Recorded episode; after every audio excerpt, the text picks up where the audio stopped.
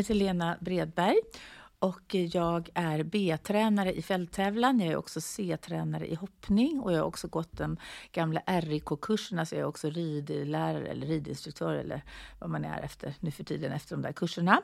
Jag har hållit på väldigt länge i alla fall och tränar både dressyr, hoppning och terräng framför allt. Eh, jag har mina träningar i Upplands Väsby där jag bor på en gård där jag driver ett inackorderings och utbildningsstall med 47 hästar. Eh, sen har, åker jag också runt och har träningar. Jag har i Vallentuna en gång i veckan, jag har haft i Åkersberga. Eh, sen åker jag också till Sundsvall, Timrå, Värmland. Åker runt lite och har, har kurser och sånt där också. Eh, jag har väldigt mycket gruppträningar. Eh, enskilt har jag mest i dressyr eller i hoppning vill jag helst ha helst två, två och inte fler än sex. Eh, vill man komma i kontakt med mig så gör man det bäst på sms. Då har jag ett sms-nummer 070 755 2149. Jag svarar sällan i telefonen för jag vill inte svara när jag pratar med elever eller när jag rider eller när jag pratar med någon annan för då känner man att inte den personen man pratar med är viktig. Men jag svarar alltid förr eller senare på ett sms. Eh, idag så ska jag hoppa, hålla en lite mer terränginspirerad hoppträning. Men en sån här typ av vinterträning som jag har ganska mycket just den träningen jag har idag är lite så här på gränsen mellan vinter och, och tävlingssäsong. För att annars har jag vinterträning har jag väldigt mycket grunder, sits, balans, position. Hästarna får jobba mycket med, på låga hinder med noggrannhet, rak riktning och så vidare. Sen när tävlingssäsongen går igång då hoppar vi nästan alltid banor och mycket banor som de ryttarna eller rätt sagt ni då som rider har tävlat på och som ni kanske har haft lite problem med på tävlingar eller någonting. Och då kan man ju veta om någon behöver träna trippelbarr, sväng eller så vidare. Så försöker vi träna på de sakerna som kan vara lite svårt på tävling. Men på vintern nu så är det mycket grundridning. Eh, idag så ska vi ha en ganska vanlig träning, men den är terränginspirerad. Så att vi kommer alltså bygga upp bara fem hinder. Eh, och ni kan se sen på själva skissen där hur hindren ska stå. Och vi ska alltså träna på att, att möta upp hindret snett men med en rak häst. Och eh, det är väldigt bra för dels lär man hästarna att söka flaggor eller söka hinderstöd och hoppa mellan hinderstöden. Och dels så tränar man ryttarna på att hålla hästen rak och man tränar ryttarna på att rida på en linje mot en punkt. Och man tränar hästarna på att bli väldigt lydiga och vara mellan ryttarens hjälper och framme för skänken. Eh, och det gör att hästarna blir väldigt lydiga och eh, ryttarna får en väldigt bra kontroll.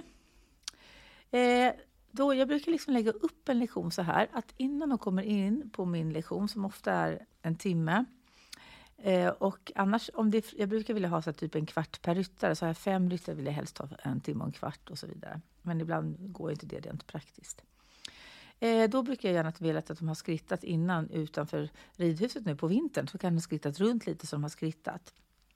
Och sen när de kommer in, då får de trava och galoppera runt själva medan jag pratar med en i taget. Och det är dels för att jag inte vill att de ska stå stilla för länge, för då blir de kalla. Och dels är det att jag vill prata med varje ryttare lite för sig för att kolla hur det har gått sen sist och vad den här ryttaren har för ambitioner och om det är något speciellt som hänt eller ifall den har någon speciell häst eller någonting.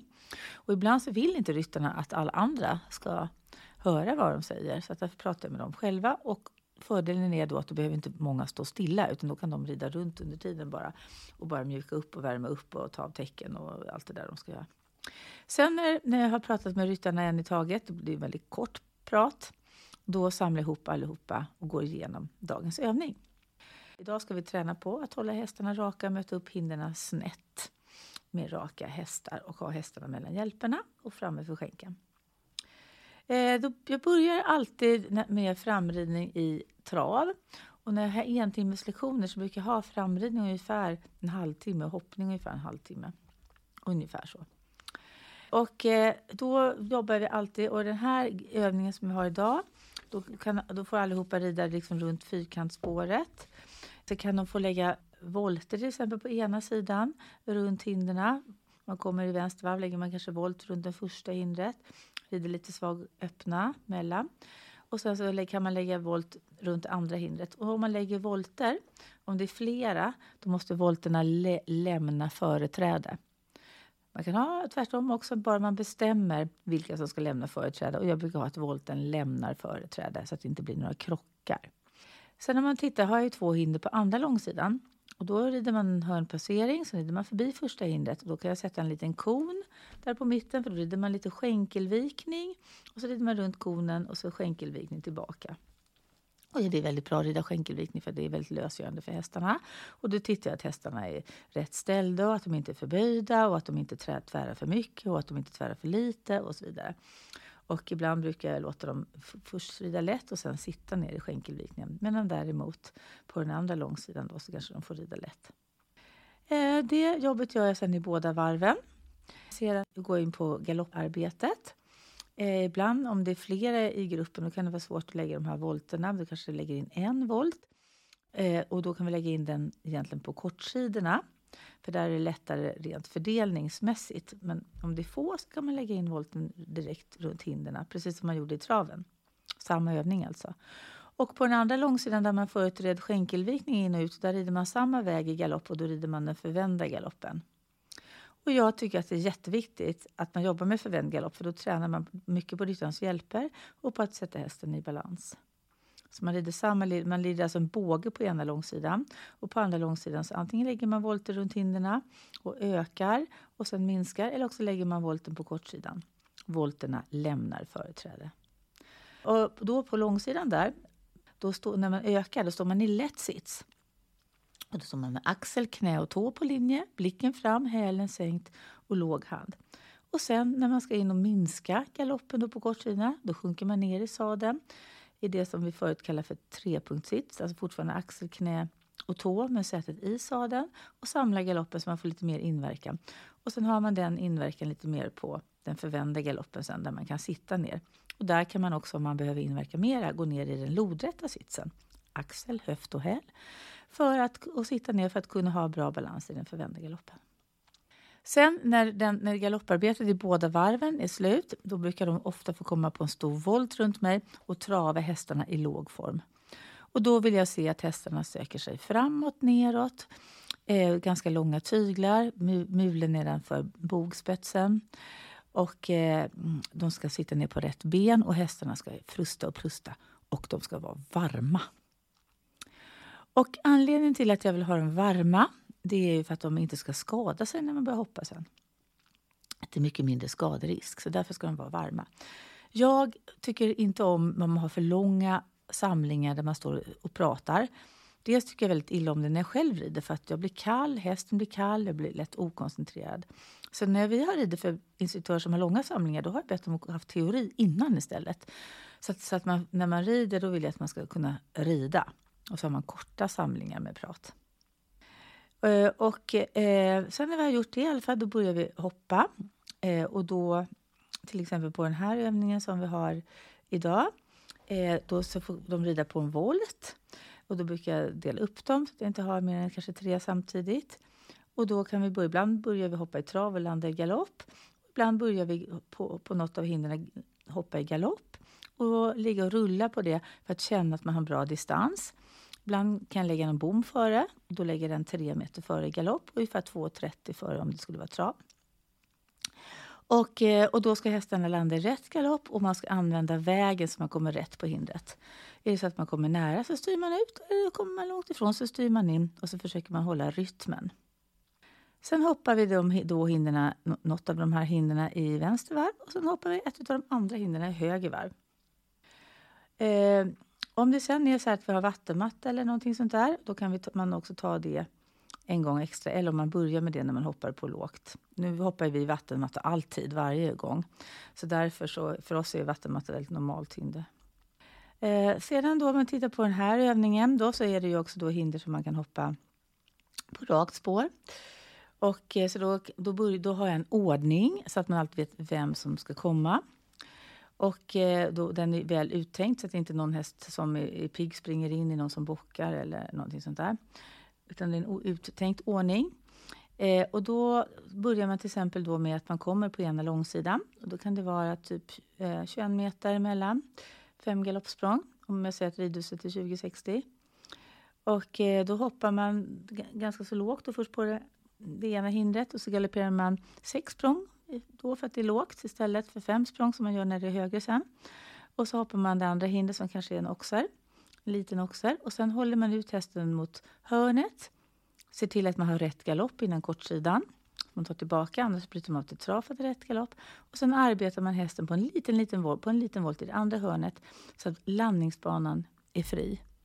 Så man inte, eh, om det kommer en till häst, inte den rider in på landningsbanan. För det är ungefär som om man är ute och flyger. Och så tänk om du ska flyga ett flygplan. Och sen när du ska landa, då är ett annat flygplan under. Det är inte jättekul att landa på ett annat flygplan. Och det är inte jättekul för det andra flygplanet som är under att någon landar på den heller. Därför måste man, för att kunna ha flyt i övningen och se till att inte hästar står stilla för länge och blir kalla, så måste man ha ganska bra disciplin så att alla lägger sin volt noga i hörnet där de arbetar sin häst och landningsbanan är alltid fri. Och sen den övre delen också, där är, där är arbetsplats. Där får man absolut inte vila. Utan vila, det, man, det, kan man göra på viloplatsen. Och jag brukar säga att vilar du på arbetsplatsen så får du sparken. Så det vet de. Så därför vet vi att arbetsplats är arbetsplats. Landningsplats är landningsplats. Eh, så kan man jobba så. Så kan man jobba så i båda varven och på båda långsidorna. Eh, sedan när man ska hoppa det här mittenhindret så ska, man hoppa, ska vi hoppa det lite snett. Och då kan man börja med att man hoppar det rakt från båda hållen så hästen har sett det. Och, eh, och sen så kan man göra så att man rider, rider på spåret. Och så rider man förbi ett hinder och så hoppar man där mittenhindret snett och kommer förbi nästa hinder. Så man tränar på att hoppa mittenhinder snett. Eh, och nästa övning det är då att man hoppar, antingen kan man ta alla tre eller också kan man rida förbi det första så hoppar man det andra och tredje snett på en linje mot en punkt. Titta på en speciell punkt. Där ska ni rida. Hästen ska vara rak. Och sen när man hoppar två hinder snett så kan man hoppa tre hinder snett. Och sen gör man likadant åt andra hållet. Då kan man också hoppa man ett hinder eller två hinder och sen hoppar man tre hinder snett. Alla hinder står ju alltså rakt då mot liksom typ kortsidan. Men man möter upp dem på en diagonal så att man möter upp hindren snett. Och då tränar man både på att hoppa smalhinder. Ibland kan vi ha smalhinder på det och då blir det ännu svårare. Men även om man har vanliga hinder så blir det som att träna på smalhinder. Och man tränar på att ha hästen väldigt mycket mellan hjälperna. Och då är det viktigt på det att ni har skänken långt fram så att ni får in bogarna. Så att får ni in bogarna och hästen är rakt, då åker bakdelen med. För bakdelen sitter fast i bogarna. Så det är viktigt att ni har hästen rak hela tiden och tittar på punkten och rider på en linje mot en punkt. Så då kan man lägga ihop och göra en liten bana på slutet. Och då finns det oändliga variationer.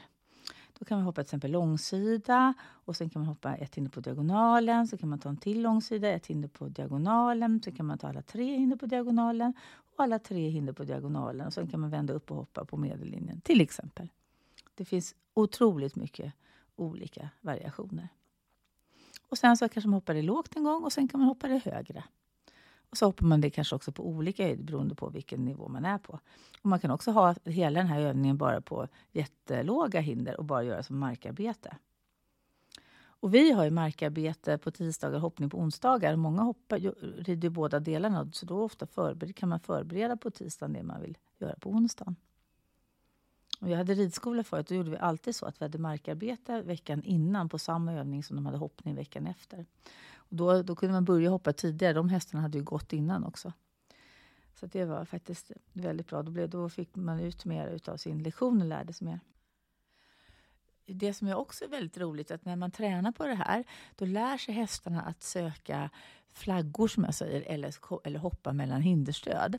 Så det som händer sen när man går ut med de här ryttarna på vanliga hopptävlingar, att när det blir så här omhoppning, då, är, då kan de vända upp på hindren väldigt snävt och väldigt snett. För hästarna kan det här, så de, de söker själva stöden. Och det har vi märkt att när vi kommer ut med, med de här ryttarna som har tränat på de här sakerna så får de ofta väldigt färgade rosetter. De hamnar väldigt ofta i topp i omhoppningarna. Så det är en liten extra bonus. Men den här övningen är faktiskt väldigt rolig och man kan variera i all evighet. Och eh, eh ni, ni lär er väldigt mycket på att hålla hästen rak och hålla hästen mellan hjälperna. Och springer hästen på sidan, då är det ju inte hästens fel. Utan om häst springer på sidan, då är det till 99 ryttaren som inte har ramat in hästen ordentligt. Så, och det är inte så lätt alltid, utan då får man försöka rama in. Men ni kan aldrig skylla på hästen när hästen springer på sidan, för det är aldrig hästens fel. Ja, jag hoppas att, eh, att, eh, att ni ska förstå det här. Och det går som sagt var att göra massa, massa olika variationer på det här. Eh, och sen efter så tycker jag det är bra igen att trava av hästarna i låg form, låta dem frusta och prusta. Och sen efter det så skrittar, vi, skrittar de. Och jag tycker om att man skrittar på en volt. Jag som jobbar mycket på ridskola också. På en stor volt på långa tyglar. Eh, och då går jag runt till alla och då skrittar de under tiden. Och då går jag runt till alla och ger dem, jag brukar kalla det för att de får en avhyvling. De får alltså för lite avhyvlingar annars. Att, men man kan kalla det för feedback om man vill att det ska låta lite trevligare. Eh, så får de en eh, feedback eh, på vad som var bra och vad som var mindre bra eller vad de behöver jobba vidare med nästa gång. Och kollar också, frågar också hur de själva tyckte att det kändes och så vidare. Och då så tar, det, så tar det en liten stund så går man runt till alla och, eh, eh och, och kollar upp läget efter lektionen. Och så är det väldigt viktigt att vi klappar om hästarna, alltså ger dem långa tyglar och skrittar. Och det där gör att det blir en ganska lång skritt, så de får verkligen skritta av. Och det är viktigt för många hos mig kommer med transporter och sånt där, de ska stå i kalla transporter. tycker jag känns viktigt att de är avskrittade. Men då, om man går runt till alla där så blir det en bra avskrittning. Och alla kan klappa om hästarna. Ja, det finns ju hur mycket olika roliga övningar som helst, både hoppning och dressyr och, och terrängriktad hoppning och terräng. Eh, men det här är en av de övningarna som jag brukar använda. Eh, och den här kan man ha på alla nivåer och alla olika höjder och alla ryttare kan vara med och man kan göra det lättare och man kan göra det svårare i all oändlighet. Lycka till!